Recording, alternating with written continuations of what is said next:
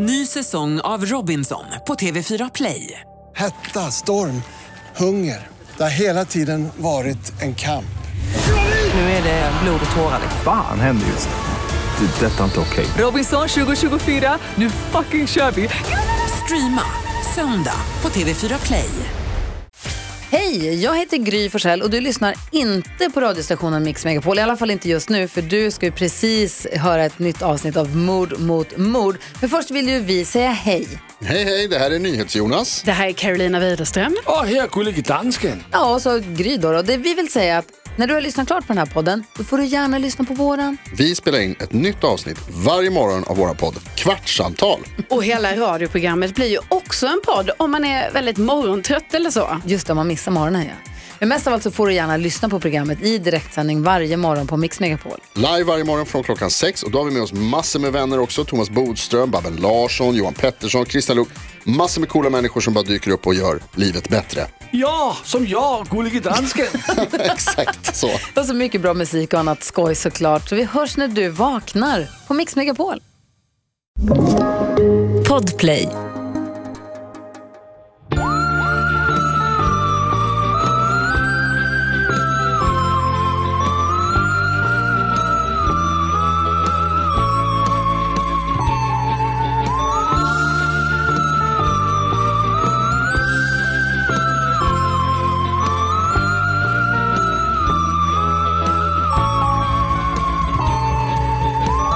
Då säger vi väl hej och välkomna till veckans avsnitt av Mord mot mord. Det gör vi. Underbara... Det väl lika bra. Underbara... Underbara vi. mord mot mord. underbara mord mot mord, underbara vi, underbara ni. Underbara du där ute. Exakt. Ehm, Hur är läget? Alla är så himla goa. Nej men det är bra. Jag är ju i Spanien och eh, sitter på kanske, alltså av alla svajiga mottagningar vi har haft, Så är det här en svajigaste. så är det här kanske den svajigaste. Ehm, jag har ju en bild på mig själv när jag sitter på en väg på marken i Kroatien. Och eh, försöker ladda upp ett poddavsnitt. Det här känns som att eh, kan nog komma att sittas på en annan väg även den här gången. Jag ser fram emot fler bilder av den sorten. Eller hur? Mm. Eller hur? Ehm, men eh, du vet, alltså, vi, vi, em, vi hyr ett hus här då och så det ska liksom finnas wifi och det finns wifi men Man kan aldrig Ja, lita på det. Nej, men så gick vi typ, för han som har det här huset, så gick vi upp på taket du vet, och så bara, han bara, det är den här lådan typ, lyfte på en grej, det sprang rakt av ut en ödla. Man bara, okej, det här är inte toppen. Men det funkar ju. ja, men inte Han på hade wifi, rätt. utan på gamla, goda 3G. Just det. Vår vän 3G. Hur mår du? Du, jag mår jättebra. Vi kom tillbaka till eh, stan igår. The big city. Hur känns det att vara i eh, civilisationen? Eh, det känns faktiskt eh, bra, måste jag säga. Eh, det känns jättemysigt att vara i stan. Ehm, och lite deppigt såklart. Ja, Men det gör det Men så nu har du, har du och Sigrid en liksom eh, mor och dottervecka innan, medan Oskar har börjat jobba. Ja, men lite så. Och eh, den kommer också bli lite Sigrid och morfar-vecka samtidigt som det är lite Anna plus jobbvecka. Så det är lite blandat. Jag fattar. Jag fattar, du var tvungen att hoppa in lite grann. Ja, men det är, känns ändå mysigt. Och eh, det känns härligt att komma hem och sådär. Så det känns bra. Hemma va? Hemma. Vilken jävla grej. Borta bra, men hemma bäst, som jag brukar säga. Men, alltså det Jag vet inte om du har hört det någon gång. Och du har rätt varje gång. Underbara Alltså jag har hört det innan men jag visste inte om att det var... Det är mitt. Alltså jag visste inte om att det var din. Jo, jo. Om man Det säger. är mitt. Härligt. Ja, underbart. Ja, Nej, men så eh, det känns ju som att det är liksom ändå, det går mot, eh, folk går tillbaka till vardagen lite nu. Ja, men lite så är det. Eh, och det är ju något lite så här, nästan lite pirrigt med den perioden varje år tycker jag. Ja, faktiskt. Alltså, eh, Skolstart. Skolstart, exakt. Man känner ju så, nu vill man gå och klippa sig, eh, köpa en ny skolväska kanske. Pennfack. Exakt. Nej men det känns mysigt tycker jag, jag håller med. Och jag gillar, jag är ju eh, som du vet ett fan av rutiner. Japp. Och oj vad de är borta är- på sommaren. Har du försökt liksom instifta några? Inte alls faktiskt den här sommaren. Förra sommaren försökte jag ju sådär träna, du vet, göra sådana saker. I år Men har- förra sommaren gick du på läger. Ja, exakt. Träningsläger. två stycken. Eh, Ja. nej, men då försökte jag verkligen eh, liksom ändå försöka ha någon slags normalitet. Jag har inte haft det alls den här sommaren, vilket jag tror är eller? väldigt bra för mig. Det tror jag. Men med. det betyder också att jag längtar mer än någonsin till att get back in that saddle, that routine saddle. Eller något. Ja, ja, men eh, eh, jag förstår, jag hör dig. Och eh, ser även fram emot jag, att eh, vandra i samma sadel om man säger. Ja, och det gör du ju snart. Så same. Ja, ja men det gör jag. Det gör jag absolut. Än så länge så är vi lite grann i sånt, eh, ja, men i det här huset då så har vi en pool här. Eh, där vi just nu håller på med att liksom utveckla väldigt många olika så poolaktiviteter, olika poolutmaningar. Kul! Du vet ju om att jag är ju eh, som ett barn egentligen när jag badar. Jag vet, jag älskar Alltså, det. Jag vill ju liksom stå på någons axlar, typ, hämta något på botten. Väldigt praktiskt är då att eh, det bästa min dotter vet är att kasta stenar i poolen som hamnar på botten. Och så får som du hämta jag då i sin tur kan, eh, i min tur kan hämta. Så det är ett perfekt eh, ekosystem. Jag känner verkligen att vi bondar Ni är så bra. Hon tycker att det är together. toppen. Vi, tack snälla. Mm. Kul att jag ändå blev glad. Om du hade tvivlat så är det här tecknet. Ja, det här är verkligen tecknet. Nej, men så eh, om du har några schyssta poolutmaningar så får du gärna liksom send them my Eh, way. jag är, du vet ju hur jag är när jag badar. Det händer väldigt sällan. Så att, eh, men jag ska prata med min mamma, hon är ju också en badfantast. Så återkommer jag. Jag och din mamma, meant to be. Verkligen. Du, ni ska, du, Sally och mamma, ni ska åka till ett badland. Alltså jag, min mamma pratar fortfarande om när hon var med min syster i Bryssel av alla ställen, på ett badland. De åkte Jag har redan pitchat här allt. att vi ska åka på en sån. Ah, fy fan vad roligt. Att jag vill ju åka på en sån aquapark här. Absolut. Fan vad nice. Det tycker jag i och för sig är Ja, kul. det är fan riktigt nice. Ja, det är skitkul att åka. Det är som du och jag på Liseberg ju- fast i natten. Exakt. Ja, Men alltså vi måste tillbaka till Liseberg. Jag tänkte på det alltså, igår. Alltså, du, Om hur roligt vi måste var. tillbaka. Men vet du vad jag tänker också? Vi går på Grönan under Gröna tiden. Lund. Det gör vi. Det gör vi absolut under tiden. Bra. We have a date. Eh, we have a date. Eh, men bra. Men du, eh, har du läst något, lyssnat, sett något? Jag tittade, i morse så vaknade jag jättetidigt av någon konstig anledning. Då tittade jag på en brittisk kriminalare som heter Grace. Eh, som jag tror Mm, just nog att det här är säsong två. För att när jag började titta så tänkte jag, jag känner igen den här eh, killen. Mannen. Är det typ lite så eh, att han är lite så dirty cop, Nej. bad cop, fast egentligen inte mode? Nej. Nej. Nej. Nej, alltså om det, då tänker jag fel, för att i den serien som jag tänker på så visar det sig direkt, det var ingen spoiler. Nej. Det är bara att jag tänker på en annan Nej, serie. det, det är nog inte det här. Perfekt. Ehm, utan precis, det finns flera säsonger ser det ut som här. Serier. Ja. Det med.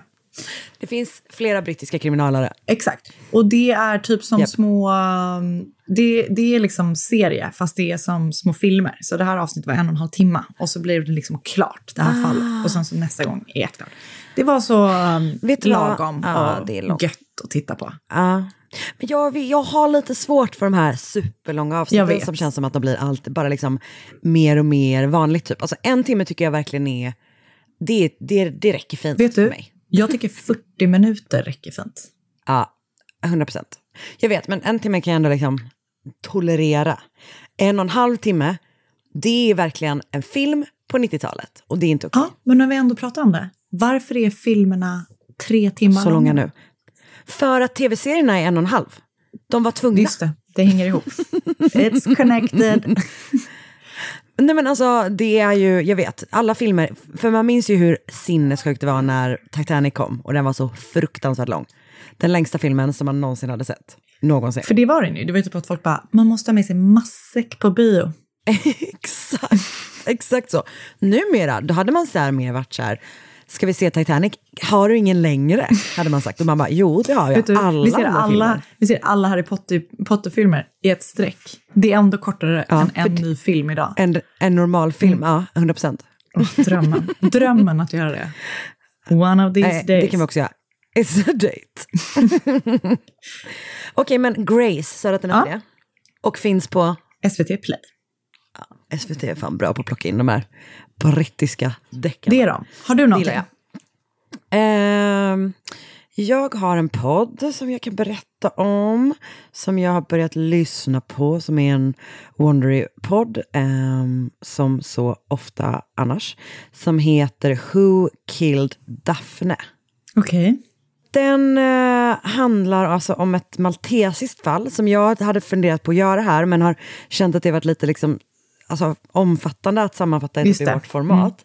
Och vilket ju, att det nu då kommer en hel jävla poddserie om det, eh, bekräftar liksom min, min, min eh, bild helt Okej. enkelt. Så att jag tänker istället för att jag gör det så kan jag liksom tipsa om den här, den här podden.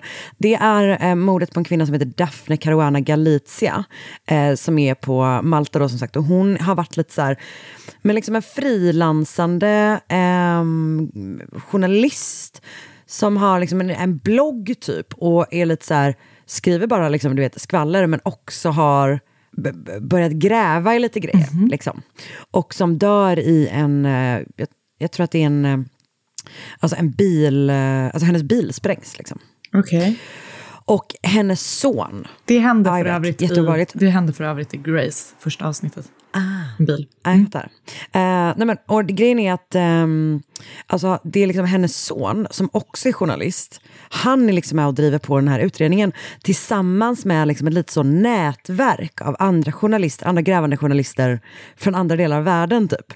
Så det är liksom mer som att de kommer tillsammans som ett litet sånt ehm, du vet, superhero-team av grävande journalister som är då just att det är hennes son som liksom är med och utreder mordet på sin mamma typ för att ge henne rättvisa. Väldigt så här, du vet, låter spännande. välproducerad och bra liksom. Ja, jätteintressant och sorgligt. Så Who Killed Daphne? En podcast. Bra. Jag tror att det är det jag har eh, faktiskt. Men det var inte så Men lite. du? Nej men eller hur, tack snälla. Men eh, vi sätter väl igång eller? Ja.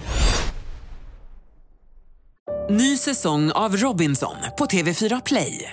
Hetta, storm, hunger. Det har hela tiden varit en kamp. Nu är det blod och tårar. Fan händer just det. Det är detta inte okej. Robinson 2024, nu fucking kör vi! Streama söndag på TV4 Play. Ett poddtips från Podplay. I podden Något Kaiko garanterar östgötarna Brutti och jag, Davva, dig en stor dos skratt. Där följer jag pladask för köttätandet igen. Man är lite som en jävla vampyr. Man har fått lite blodsmak och då måste man ha mer. Udda spaningar, fängslande anekdoter och en och annan arg rant. Jag måste ha mitt kaffe på morgonen för annars är jag ingen trevlig människa. Då är du ingen trevlig människa, punkt. Något Kaiko, hör du på Podplay. Därför är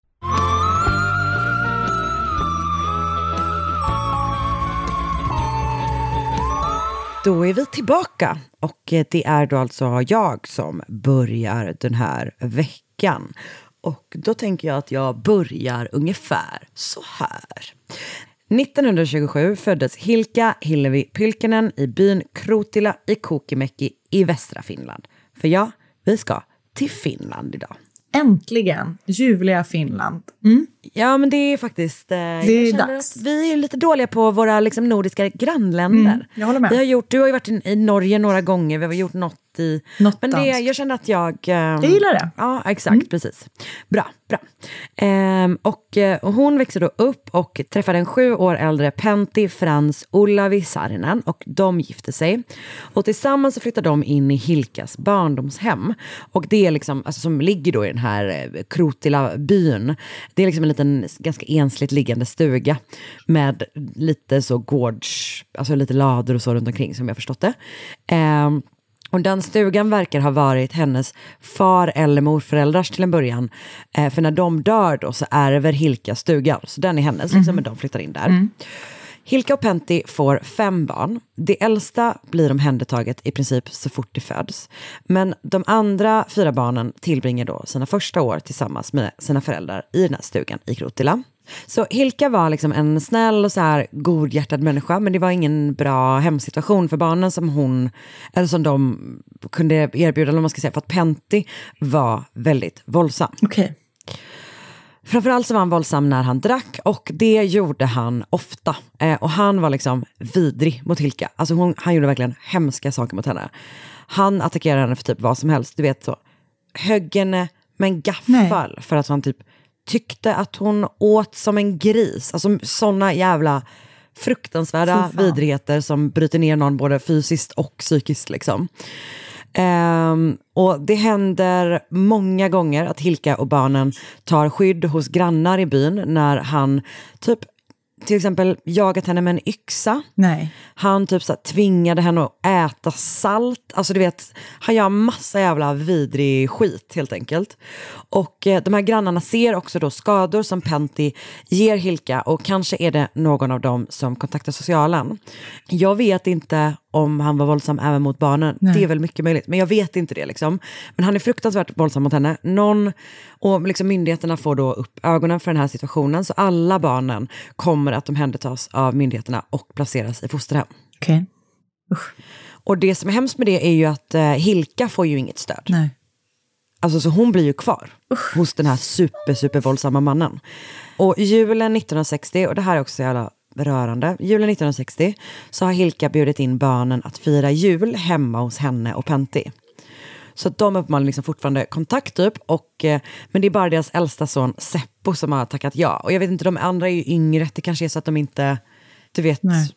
inte är, anses vara en bra idé på grund av alltså, i deras fosterfamilj eller sådär. Det vet jag inte. Men, men Seppo har i alla fall tackat ja och hon har liksom verkligen så längtat efter att han ska komma och du vet så här, det finns vittnen som har sett henne typ vara ute och hugga en julgran och hon typ går till en granne och frågar om receptet på någon specifik julmat. Alltså, hon preppar verkligen för att sin son ska komma och fira jul och det gör så ont i hjärtat när man vet vad som liksom komma ska. Ja, för att det känns som att hon Jag vet inte mitt vad som ska i all den här vidriga situationen.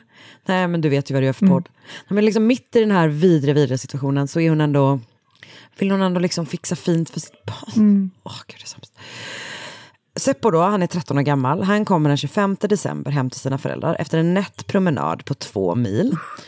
Han har med sig en kompis och, eh, så som har liksom följt med honom helt enkelt. Och grejen är att de kommer en dag tidigare än vad som är, var planerat av någon anledning. Och det var väl inte bara att ringa, eller du vet Nej. sådär liksom. Så de dyker helt enkelt upp en dag tidigare utan att någon där vet om det, eller liksom har räknat med det. Och när de kommer fram så är det bara Pentti som är inne då. Och han säger att Hilka har gått ut när han har legat och sovit och han vet inte var hon är. Och timmarna går och Hilka syns då inte till. Seppo tycker att Pentti beter sig konstigt. Alltså han kommer senare liksom reflektera över det.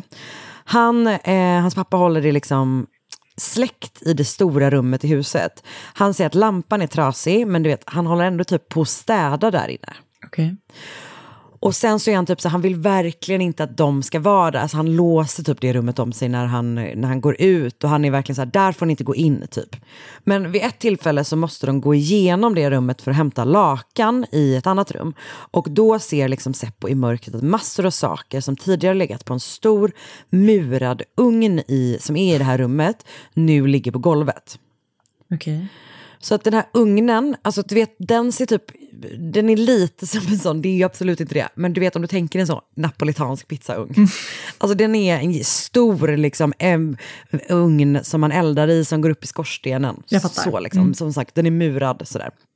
Seppo reagerar också på att hans pappa har sår på ena handens knogar.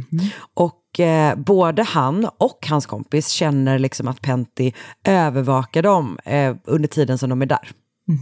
Och situationen är ganska obehaglig och det gör att kompisen lämnar redan dagen efter. Men Seppo stannar hos sin pappa till nyår. Då har hans mamma fortfarande inte kommit tillbaka. Okej. Det går ytterligare några veckor och som jag förstått det så är det alltså någon i byn som till slut anmäler Hilka saknad. Och jag antar att de har liksom hört att han har typ mordhotat henne innan. Och de vet om att hon, hon är, han är jättevåldsam typ. Så att jag, jag har, jag, enligt vissa källor så är det någon i byn som anmäler en saknad. Polisen pratar då förstås med Pentti och han säger att han inte har någon aning om vad hans fru tagit vägen. Men att hennes ytterkläder, det är en, en rock, ett par stövlar och typ några handskar tror jag, saknas i hemmet. Och han tror att hon helt enkelt har gett sig iväg och lämnat honom. Liksom. Att hon inte var eh, typ lycklig hem i deras relation, vilket ju Why should she? Eh, men samtidigt så, så berättar folk i byn om hans extremt våldsamma beteende och eh, även då att han faktiskt har hotat att mörda sin fru tidigare. De vittnar också om att illaluktande rök kommit från husets skorsten efter Hilkes försvinnande och att Pentti vädrat ovanligt mycket eh, med tanke på att det var mitt i vintern och väldigt kallt ute. Okej. Men polisen hittar aldrig Hilka. Och de kan ju då helt enkelt inte bevisa att hon helt enkelt liksom försvunnit av egen fri vilja. Eh, det är också rimligt att tänka att man, eller om man har tur eller liksom sådär, eh, man, man kan ju ho- hoppas att en människa som är i en sån vidrig, vidrig relation eh, också lyckas lämna. Så att det finns ju, du vet, hon skulle ju kunna ha gjort det på grund av det helt enkelt. Så att det blir ingen mer utredning. Okej. Men eh, åren efter försvinnandet så återvänder Seppo till sin pappas hem om och om igen och börjar själv fundera på vad som kan ha hänt hans mamma. Han kollar, alltså han börjar liksom typ ganska systematiskt helt enkelt leta igenom, alltså leta efter ledtrådar typ. Vilket också är så här, han är typ, han är 13 och hon dör. Alltså det Han är bara så tonåring och bara letar efter sin mammas kropp. Typ. Äh, det är så hemskt. Eh, så han börjar liksom då så här kolla runt på ägorna helt enkelt. Alltså du vet i ladan runt om i huset. Han noterar att en stor sandhög som tidigare låg i en lada nu är borta. Och han får också då chansen att undersöka den här murade ugnen lite närmare. Och han tycker att det ser ut som att någon har tagit isär delar av den och sen murat upp den igen. Men gud. Hur kan man se det? 1966, nej men jag vet men det kanske typ är så här nyare murbruk på ett Ja, ja, ställe. ja. Eller du vet, så, Så, ja. tänker jag. Så 1966 så skriver Seppo, som alltså då är 19 år gammal och liksom under sex års tid typ återkommit till sina föräldrars hus, inte för att hans pappa är en toppenperson, utan för att liksom ändå försöka ta reda på vad som hänt hans mamma. Han skriver ett brev till polisen och han skriver då så här. Jag misstänker att min pappa vet mer om min mammas försvinnande än han berättat. Han har uppenbart plockat isär ugnen och sen murat upp den igen. Innan det här hade ugnen inte använts på 7-8 år. När jag kom dit städade pappa huset i mörkret trots att det var ljust i rummet bredvid. Jag tycker att ugnen borde plockas isär. Min pappa kan göra vad som helst. Så han skriver till polisen, men han får inget gensvar. Och han skriver typ alltså, flera brev där han liksom säger samma sak, men det ger inget resultat. Året efter, alltså 1967, så skriver han en artikel under pseudonym i tidningen LME som har rubriken Vart försvinner de? Jag tror att min pappa är en mördare. Och han har typ så här ändrat du vet, detaljer och sånt för att det liksom inte ska vara tydligt vem det är. Men eh, trots det så säger hans pappa efter det att hans son, alltså typ så här, bryr du dig om ditt så bryr jag mig om mitt. Och sen så tror jag att, alltså, så att pappan verkar ändå liksom förstå vem det är, helt enkelt. Men polisen går alltså inte vidare med något, utan det kommer att dröja fram till 1972 innan något händer med utredningen.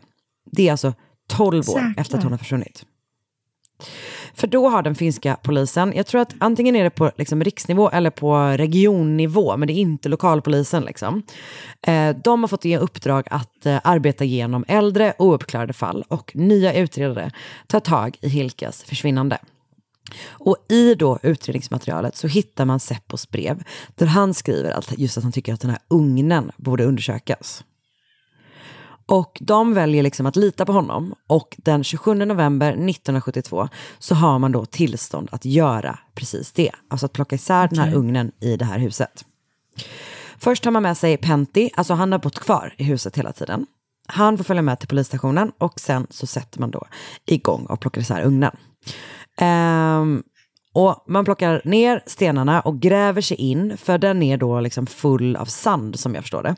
Så en dryg meter, och det är lite, alltså jag har lite svårt att förstå hur, liksom, hur det ser ut eller hur det hänger ihop. Typ. Men som jag förstår det så är det så att en meter inåt, snarare inåt än neråt, liksom, så hittar man någonting. Det är polisen Pentti Punkari som får syn på en stövel. Och han känner på den och inser att det inte bara är en stövel, utan det är en fot i stöveln.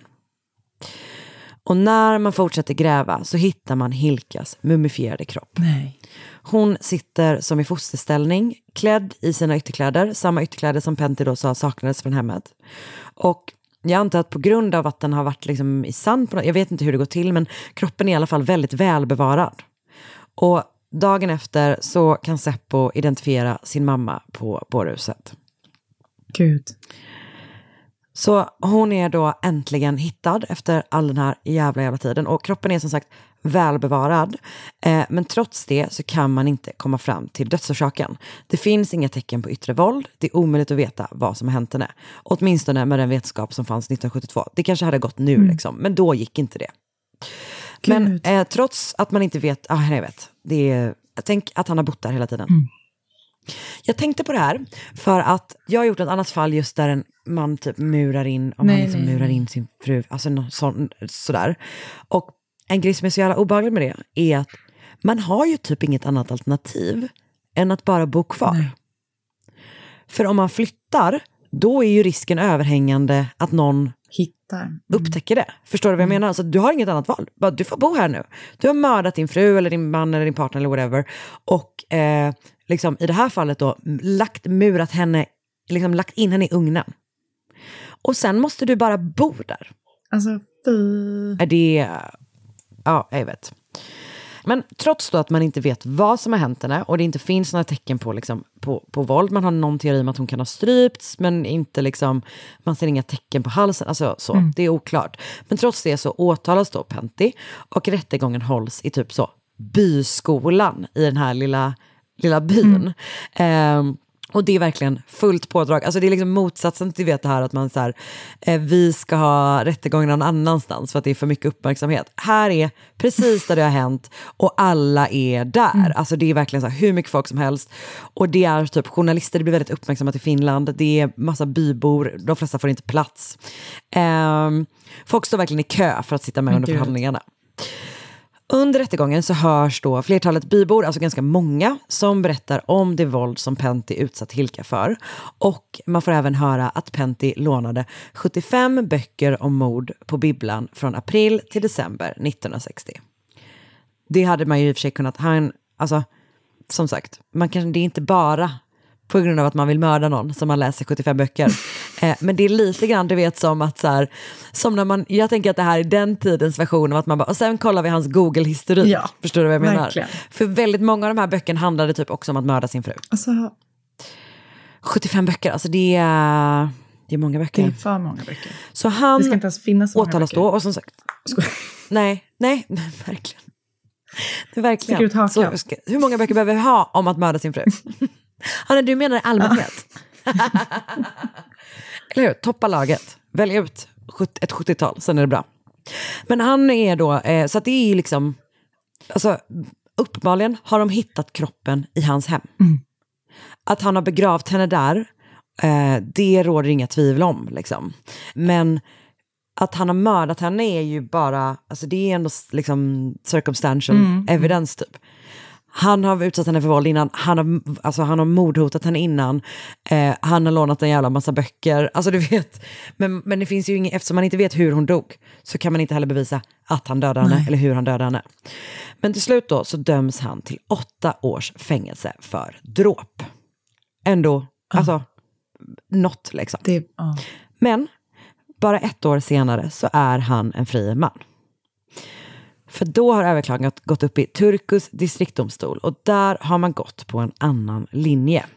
De menar att eftersom man inte vet hur Hilka dog och att man därmed inte kan döma för mord, det vill säga att hon, du vet, hon hade rent tekniskt sett kunnat typ ramla eller typ begått självmord och han sen bara liksom gjorde det här med kroppen, eller bara, men så. Så är då br- brottet eh, preskriberat. För att om man då tänker sig att han, det han kan dömas för är typ någon, jag antar att det är någon slags eh, brott mot griftefriden kanske. Ehm, det är, alltså den preskriptionstiden för den sortens brott har redan passerat.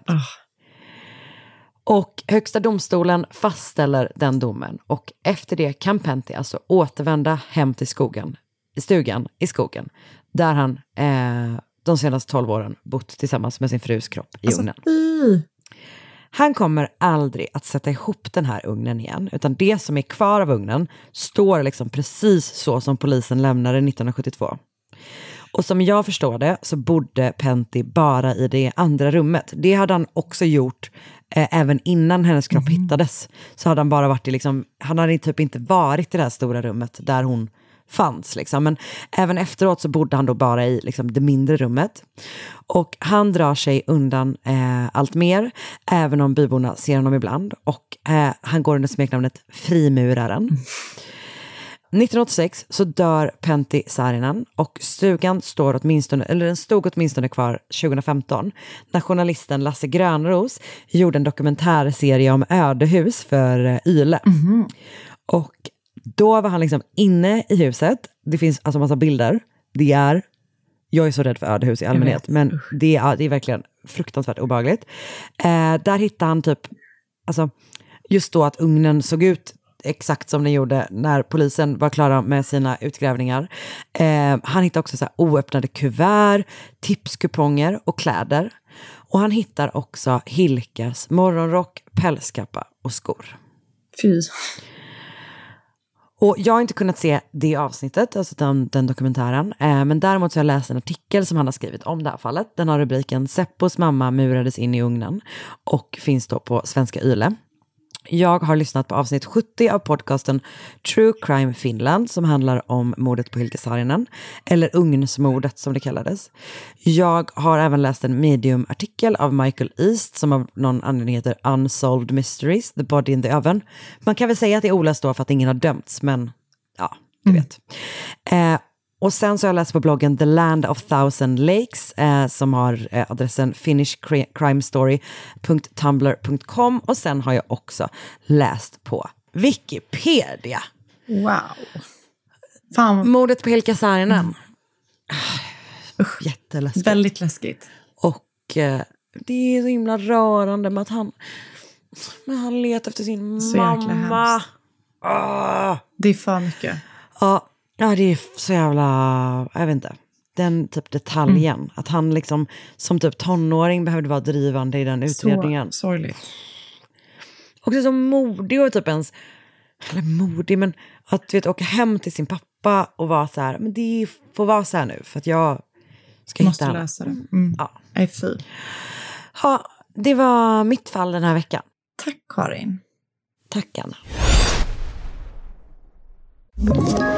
Ett poddtips från Podplay. I fallen jag aldrig glömmer djupdyker Hasse Aro i arbetet bakom några av Sveriges mest uppseendeväckande brottsutredningar. Går vi in med hemlig telefonavlyssning och, och då upplever vi att vi får en total förändring av hans beteende. Vad är det som händer nu? Vem är det som läcker? Och så säger han att jag är kriminell, jag har varit kriminell i hela mitt liv men att mörda ett barn, där går min gräns. Nya säsongen av Fallen jag aldrig glömmer på Podplay.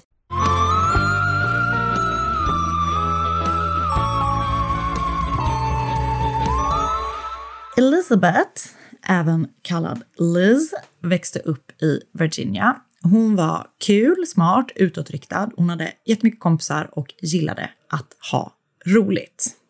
Ah, precis, Precis som jag. som du. Men... Vad tyckte hon om att bada? Det jag tror hon gillade. Jag tror hon älskade det. Ja, jag med. Eh, Men hon hade också en del eh, problem eh, med, alltså som man ju har.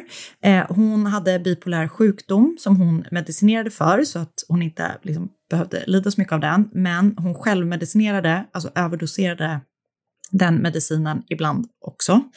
Vilket såklart inte är bra.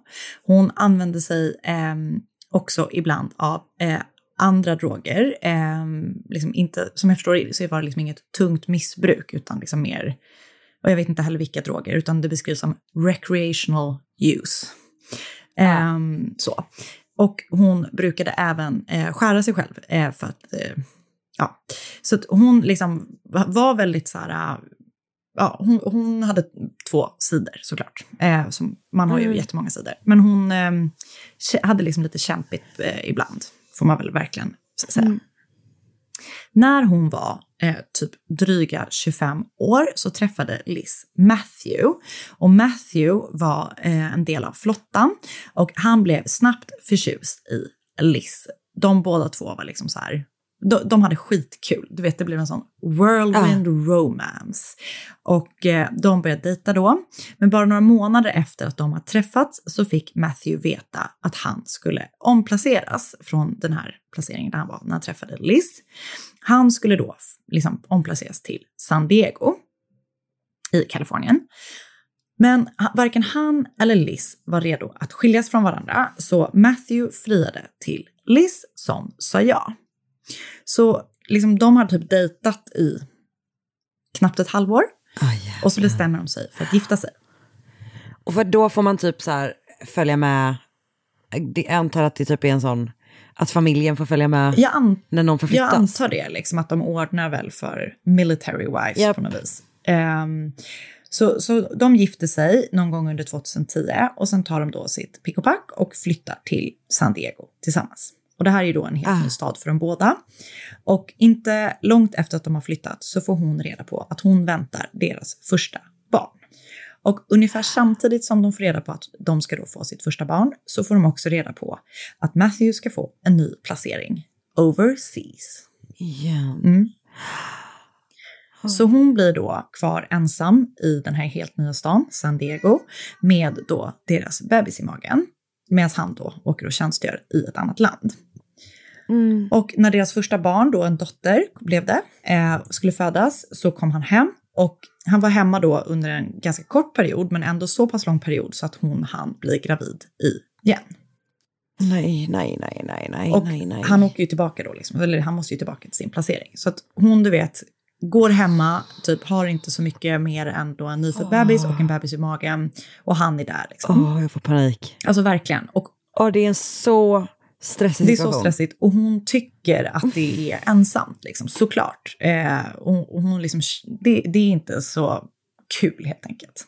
Så hon Nej. typ skaffar sig något så extra jobb, så bara för att typ få träffa människor. Eh, hon du vet så här, går runt typ i butiker, här, pratar med människor för att hon är så här, hon är liksom social, hon vill ha vänner och det är klart att det är svårt, liksom, det är svårt, svårt oavsett när man flyttar till en ny stad, men att då liksom, ja hon är, hon, hon är nog ganska Ha isolerad. nyfödd bebis och Exakt. vara gravid.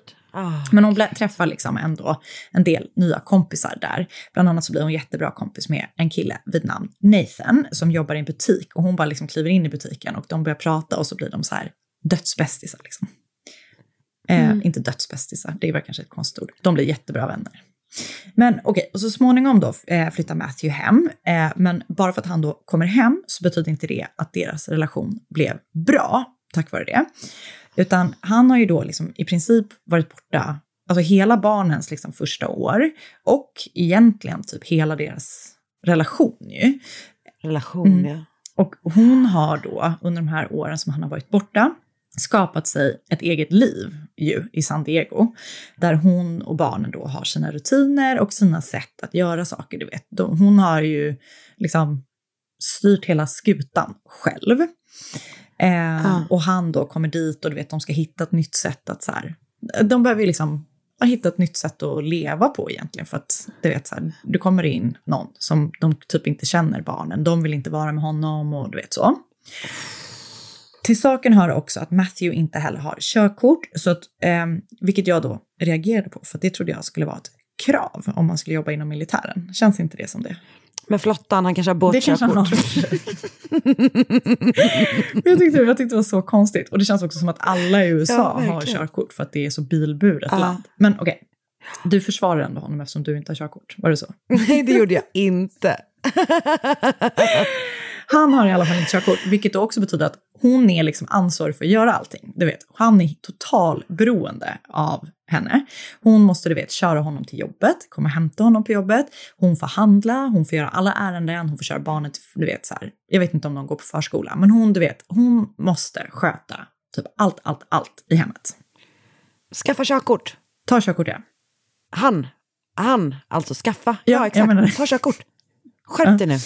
Ehm, och när de då kommer hem, när de då liksom börjar kä lära känna varandra i den här nya situationen, eller man ska säga. för att när de träffades, då var de liksom eh, på samma plats i livet. Du vet, de var unga, de gillade att festa, de gillade att ha kul. Så här. Nu har de då landat här, de har två barn och då visar det sig att de har liksom helt olika ambitioner med livet. För att hon, Liz då, hon är mer typ så här, ah, men bara för att jag vill fortfarande att vi ska göra saker, jag vill att vi liksom ska resa, du vet, ha kul även som familj. Medan han då mer är så här, väldigt nöjd med att jobba, kolla på tv, du vet, inte göra någonting egentligen. Ja. Så det här blir då eh, lite så eh, en schism i deras relation såklart. Eh, och deras relation, den är inte bra och de sover i olika sovrum på olika våningar och de lever egentligen ganska separerade liv från varandra. Och det hela blir då inte bättre eh, av att Matthew en dag eh, i 2014 säger att hans föräldrar och, eller hans mamma och hans mammas man och hans syster ska komma och bo hos dem. Och Eh, alltså vi pratar inte hälsa på. nej, komma och bo hos dem. Skräcken. Åh gud. Alltså förlåt men hon har det jobbigaste livet jag någonsin Alltså det har är verkligen så. Det, jag tycker så synd om henne. Okej, inte, inte när jag, men, Nej, men det- jag menar nej, inte, nej, men- folk har ju fruktansvärt. Men det här är mer typ en, relation, liksom en situation som är så här, Jobbig. Ja, så, så, mycket, så mycket ansvar, socialt och liksom praktiskt. Knöligt. Ja. Och hon vill ju såklart inte alls det här. Inte bara för att man typ ingen vill ha sina svärföräldrar hos sig hela tiden, men också för att hon typ, de kommer inte så bra överens. Så hon är, motsätter sig det här. Och hon känner typ så här, jag måste liksom out of this. Så hon känner då att hon måste göra någonting. Så hon anlitar en advokat för att prata om alternativet att skilja sig från Matthew. Och hon pratade med jättemycket vänner om att hon då ville ut ur äktenskapet, eh, eller ville skilja sig. Och hon pratade då bland annat med den här Nathan då, som hon hade träffat eh, där i San Diego, som var hennes bästis där, att hon Mm. var väldigt missnöjd med sin tillvaro. Hon var liksom helt enkelt inte lycklig med Matthew. Men så en dag då i oktober 2014 så eh, tänker Nathan så här. Varför har Liz inte hört av sig som hon sa att hon skulle göra? De hade talats vid på söndagen. Och två dagar, eh, och det här var, på söndagen var då eh, två dagar innan Matthews familj skulle landa i San Diego. Så de hade typ pratat om det, att hon bara, åh, vad så här, det här suger, vi hörs typ, jag ringer dig imorgon. Och så ringde hon inte. Och när hon då inte hade ringt på två dagar, eller hört av sig, eller svarat eller vet någonting, så undrade han om allt var bra med henne. Såklart. Och han får då inte tag i henne, så han ringer till Matthew för att höra om han vet var Liz befinner sig. Och Matthew är bara så, nej men jag har inte heller hört från henne på några dagar. Och jag tycker, eller och nu jag då är Matthew. Matthew säger så här, jag tycker inte det är så konstigt eftersom han visste att hon Nej. var missnöjd med att hans familj skulle komma. Ändå tar han dit dem, vilket är störigt. Ehm, och hon har lämnat förut liksom. Hon har stuckit typ en kväll och inte kommit tillbaka förrän kvällen därpå utan att höra av sig. Hon har gjort sådana saker innan liksom. Så han bara, det här är inte första gången. Jag antar att hon typ håller sig borta för att hon är sur typ. Men Nathan då har ändå så en dålig känsla så han ringer då till polisen. Eh, men polisen då gör såklart ingenting med det och de är så här, hon kommer säkert hem, oroa er inte. Men när hon har varit borta i fyra dagar och då även Matthew är typ så här, liksom, alla undrar var hon är. Då går polisen ut med en efterlysning av Liz. Och i samma veva då så åker typ Missing Peoples Unit hos polisen hem till Liz och Matthew. Dels för att prata med Matthew och då för att gå igenom hemmet för att se om de kan hitta något som verkar ovanligt. Och det finns liksom inga spår i huset som liksom säger någonting om att någonting skulle ha hänt. Eh, hennes bil eh, var kvar hemma och eh, du vet, Matthew är liksom bara så här, nej men eh, jag har inte sett henne, jag vet inte var hon är. Han säger att det saknas en resväska och han berättar också att han inte kan hitta hennes dator och hennes mobil hemma. Så han tror då, eller han säger till polisen att hon har stuckit, packat sin resväska, tagit mobilen och datorn och sen dragit. Han berättar också att han har hittat hennes dagböcker eh, eh, och han säger också att han har sett att Liz har flyttat alla deras gemensamma pengar, alltså från deras gemensamma konto, till hennes egna konto, bara dagar innan hon försvann. Han lämnar över de här dagböckerna till polisen och eh, både polisen och Matthew då tänker att Liz troligtvis har lämnat hemmet frivilligt och håller sig borta på egen fri vilja. Och det som stärker det här då är då att hon just har flyttat pengarna. Att de är så, hon behöver ett startkapital för att hålla sig borta. Eller du vet, för att göra försvinna typ. Eh, polisen kan också se att det drogs pengar från Liz eh, konto eh, de dagarna efter att hon har försvunnit. Vilket då skulle stärka deras tes om att hon har försvunnit på eget initiativ. Polisen fick också in flera tips från olika personer som har sett henne på olika ställen. Bland annat typ en pensionerad polis som säger sig ha pratat med henne i en park, att hon har varit så förvirrad och du vet så. Och i hennes dagbok då, som lämnades över av Nathan, eh, så fanns det små korta historier som hon då har skrivit, som handlar om en kvinna som gift sig med en man, som visar sig vara någon annan än hon trodde. Liksom. Hon är olycklig i äktenskapet och därför har hon då bestämt sig för att lämna hela sin familj, inklusive barnen.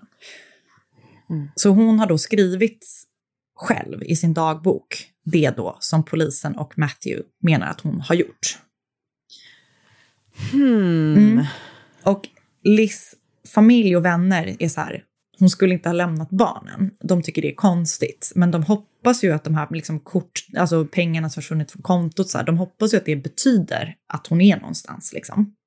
Men de tycker att det känns väldigt, väldigt konstigt, just för att de är säkra på att hon inte skulle lämna sina barn med Matthew. Polisen är ju såklart nyfikna på Matthew och de liksom pratar och förhör honom upprepade gånger. Och han är väldigt tillmötesgående. Du vet, han låter dem gå igenom deras hus massa gånger. Poliserna tillåts att plocka DNA-prov från deras döttrar om de skulle behöva göra, alltså om de hittar en kropp och du vet, så behöver göra DNA-matchning och sånt. Han ställer även upp på då ett lögndetektortest som han klarar liksom helt utan problem. Och han var då, han liksom återupprepar sin han bara, jag är helt säker på att hon har dragit från familjen och håller sig självmant. Ah. Du ser vad hon har skrivit i böckerna. Liksom, han är helt övertygad om det. Ah. Och när man liksom fortsätter att gå igenom Liz liv, du vet, prata med folk och igenom du vet, så, så visar det sig då också att hon har en Tinder-profil. Där, och hennes vänner då bekräftar att hon har skaffat det. Och du vet, någon säger så här, men det var bara en flykt från verkligheten. Snarare än att det var liksom Ah. att hon verkligen ville träffa folk och dejta, medan andra då är så här, ja, men hon ville nog kanske dejta folk. Men polisen är då bara så här, kan hon ha träffat någon på Tinder som sen har gjort någonting med henne? Vi måste liksom veta det.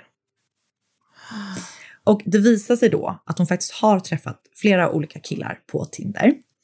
Och de utreder liksom, den här Nathan då som jag berättade om i början, han har också blivit förhörd och utredd och du vet sådär. Så att de går igenom typ alla män i hennes liv. Och bland annat då så har hon träffat en man vid namn Steven på Tinder. Och de har inlett en relation. De är liksom ihop när hon försvinner. Eh, och hon har pratat om den här Steven med sin kompis Nathan och hon var så han har ambitioner med sitt liv. Hon kan prata med honom. Eh, hon tyckte att han var allt som Matthew då inte var. Eh, Mm. Men Steven vill då absolut inte prata med polisen. Och det är ju lite konstigt så här. Och de utreder honom jätte- jättemycket såklart. Du vet så här, gör massa saker och han typ, du vet, ger lite grann via sin advokat och sådär. Men han vill inte liksom vara med i något slags regelrätt förhör. Han är bara så här, jag vet ingenting om det här. Vilket också är lite konstigt för typ din flickvän har försvunnit. Typ. Prata med Ja, polisen. ja. Men polisen får i alla fall reda på att en månad innan Liz försvann så har Liz och Stevens hemliga relation avslöjats. För då hade Liz varit hemma hos Steven och Steven visste inte om att hon var gift, han visste inte om att hon hade barn. Så hon har varit hemma hos eh, Steven som bodde ihop med en kompis. Och den här kompisens flickvän hade då sett i Liz bil att det stod två tomma barnsäten i bilen. Så hon är bara, vad fan? Och blir så här jätteupprörd. Och bara, vad, är, vad har hon, liksom, har hon lämnat sina barn? Du vet, vad har hon Ja. gjort? Så hon ringer då till Child Protective Services, som är typ som socialen. Och då har de åkt hem till Liz för att kolla läget typ. Och eh, det är ju ingen fara med barnen. Hon har ju inte lämnat dem ensamma. Antingen så var de med Matthew eller så var de med en barnflicka. Eller så här. De, hon är ju liksom en jättebra mamma. Och, eh, ja, det var lite konstigt. Eller du vet bara, hon har två barnstolar här. Så jag ringer SOS. Jag vet, jag vet. Men som jag, jag, som jag läste någonstans eller hörde någonstans, jag var så här, ja, det är lite konstigt, men det är också sånt som typ händer ju. För, för det finns ju människor som är galna som gör såna saker. Men jag vet, Nej, men det är jag håller med. Lite överdriven reaktion. Hon kunde ju bara ha pratat med... eh, Var Hon lite- kunde ju ha hon var pratat lite med dramatisk. Liz. Jag håller, jag håller verkligen med att det var ett lite dramatiskt beslut att fatta. Hon gör det i alla fall. Men, men de, de, de kan då liksom konstatera att så här, det här är ingen fara för de här barnen. Såklart. Men de berättar också att när de har fått in en sån här orosanmälan så måste de berätta för den andra föräldern. Även om det liksom kom fram till att så här, det är ingen fara. De måste ändå berätta att de har varit där och du vet vad de har fått för orosanmälan och du vet så.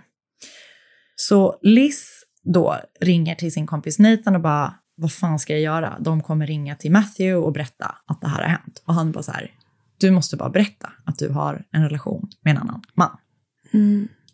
Så hon gör det då. Och, Men det har Matthew inte berättat i förhör. nej. Men Mm, okej. när polisen då frågar Matthew om den här händelsen så bekräftar han att så här, ja, det hände. Och han berättar då att han hade varken blivit eh, förvånad eller upprörd eftersom deras relation var som den var. Det var liksom, jag tror det verkar då på Matthew som att ja, vi höll på att göra, liksom vi, vi var typ inte ihop. Vi bodde under samma tak, vi har gemensamma Nej. barn, men jag är liksom inte alls förvånad att hon, det här skedde typ. Nej. Men det han sa då var att efter att hon hade berättat så hade hon haft så otroligt dåligt samvete. Så hon hade då eh, skurit sig efter att hon hade berättat det och liksom skurit sig ganska illa.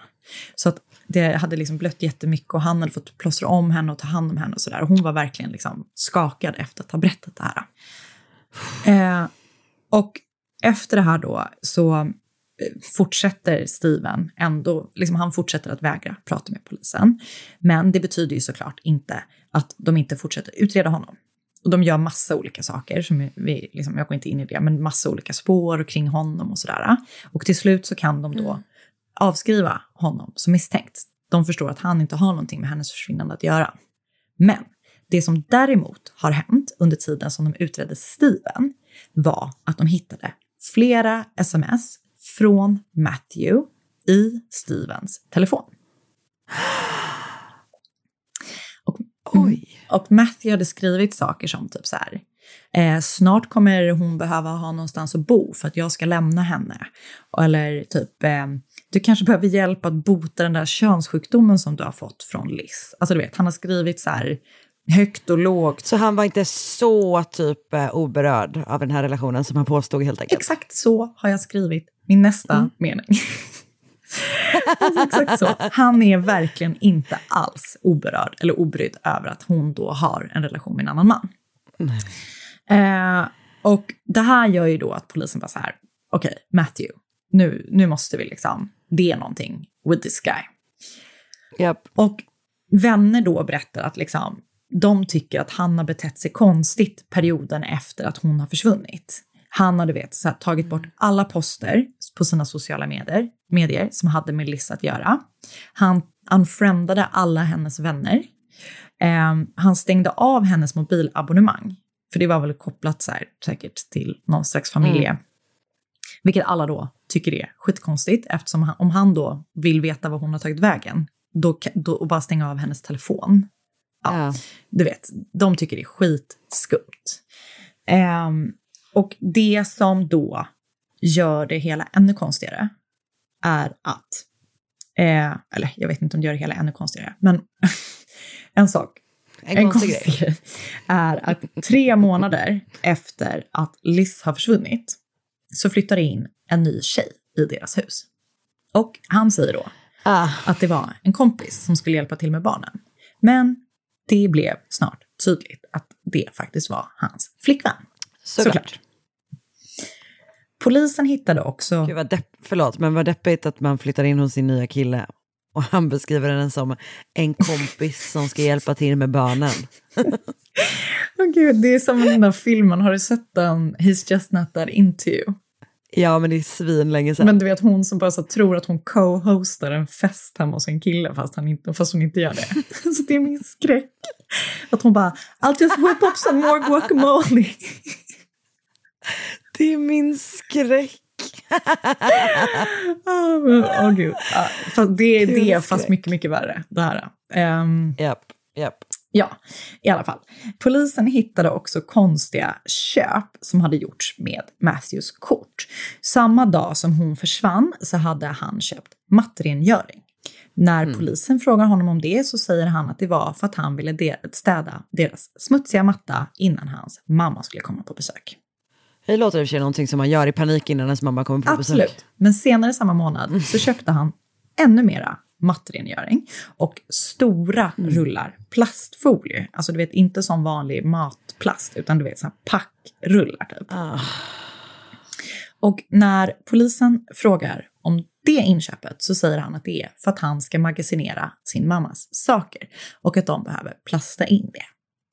Så det är ju inte helt, det är inte helt sjukt, men det är lite konstigt bara, Nej. tycker polisen. Och Matthew och polisen har ju liksom ingenting att gå på. De har ingen, eh, de, det finns inga vidare spår, det finns ingen kropp, det Nej. finns inga, ingenting. Och Matthew gick vidare med sitt liv då. Han och hans nya tjej fick ett barn och hans familj flyttade så småningom ut. Och det fanns inga leads att gå på kring Liz försvinnande. Förstår du? Så polisen har väldigt starka misstankar mot hennes man, men de har inga bevis. Som i mitt fall. Exakt. Det är tyvärr temat. Mm, det är temat. Fruktansvärt tema. Och det är precis. Du, ja, vi, precis. Två år senare hände någonting. Knappt två år senare, ska jag säga, efter att hon har försvunnit, var en man ute och rastade sin hund. Hunden nosade upp något i vattnet. Och i vattnet hittade man en kvinnokropp iklädd jeans, en stickad tröja och en brun boot. Det visade sig tyvärr vara Liz. När hennes kropp undersöktes så hade hon droger i blodet, men inte i dödlig dos. Och, utan det visade sig att hon hade ett flertal sticksår i kroppen. Så hon har alltså blivit mördad med ett vasst föremål. Hon hade också blivit eh, slagen, kunde man se, på hennes huvud innan hon dog. Det som var lite märkligt när de hittade kroppen var att den var i ett så pass bra skick, eller vad man ska säga. Ja, om den hittas i vatten. Ja. Efter två år, det är ju skitkonstigt. Exakt. Den kan inte ha legat i vatten i två år. Och det som också är väldigt konstigt är att den rättsmedicinska undersökningen visade att hon hade blivit mördad max två månader innan hennes kropp hittades. Va? Va? Mm. Och polisen har ju hela tiden haft teorin då att hon har mördats precis då hon har försvunnit. Ja, ja. Men de säger då, nej men två månader max har hon varit död. En annan märklig sak var att samma dag som Liz kropp hittades kom det en flyttfirma till Matthews hus för att packa ihop alla hans saker. För han skulle flytta med sin tjej, deras nya barn och han och Liz två döttrar till Maryland. Tre dagar efter att hon hittades hade han lämnat huset. Och polisen hade ju hela tiden, eller hade ju, men polisen hade hela tiden liksom sagt att så här, den dagen huset är tomt så vill vi in igen. För det kanske är någonting har missat. Så när han väl flyttat så bestämde sig polisen för att återigen ge sig tillbaka till huset och göra en grundlig genomgång av det för att se om de hade, liksom, kan hitta någonting nytt. Mm. Och när de kommer in då så reagerar de först på att de tycker att det luktar illa i garaget. En person uttryck, uttrycker det som att det var the smell of death där inne. Sen går de vidare upp på vinden, för där har de då inte letat så noggrant innan. Men den här gången då så bestämmer de sig för att gå igenom det helt sjukt noggrant. Alltså vet, de så här, äh, river ut eh, isolering, gör massa sådana saker. Och till slut så hittar de då en kniv. Och det är en sån liksom, klassisk militärkniv beskrivs det som. Och eh, den ligger liksom ordentligt gömd. Det är inte så att någon bara tappat den, utan de liksom letar och hittar den. Och den här kniven undersöks då och på kniven så hittar man Liz blod på äggen och på handtaget till kniven så hittar man både Liz och Matthews DNA. Så nu är det bara så här, vi har hittat mordvapnet. Låt oss plocka in Matthew. Så Matthew ställs till slut, tre år efter att Liz har försvunnit, ställs han inför rätta. Det är jättemånga som vittnar i rättegången. Bland annat så vittnar flera av Liz kompisar och de berättar då att hon har berättat för dem att Matthew var hotfull, våldsam och dominant mot henne. Vid åtminstone ett tillfälle så har han misshandlat henne. Eh, och åklagarna menar då att det som har hänt är att när Matthew har förstått att Liz ska lämna honom så har han helt enkelt mördat henne. Eh, jag vet, det är fruktansvärt. Men försvaret menar då att så inte alls är fallet. De fortsätter att hävda att hon har försvunnit av egen fri vilja. Och de säger att blodet som man hittade i hemmet var på grund av att Liz då skar sig själv.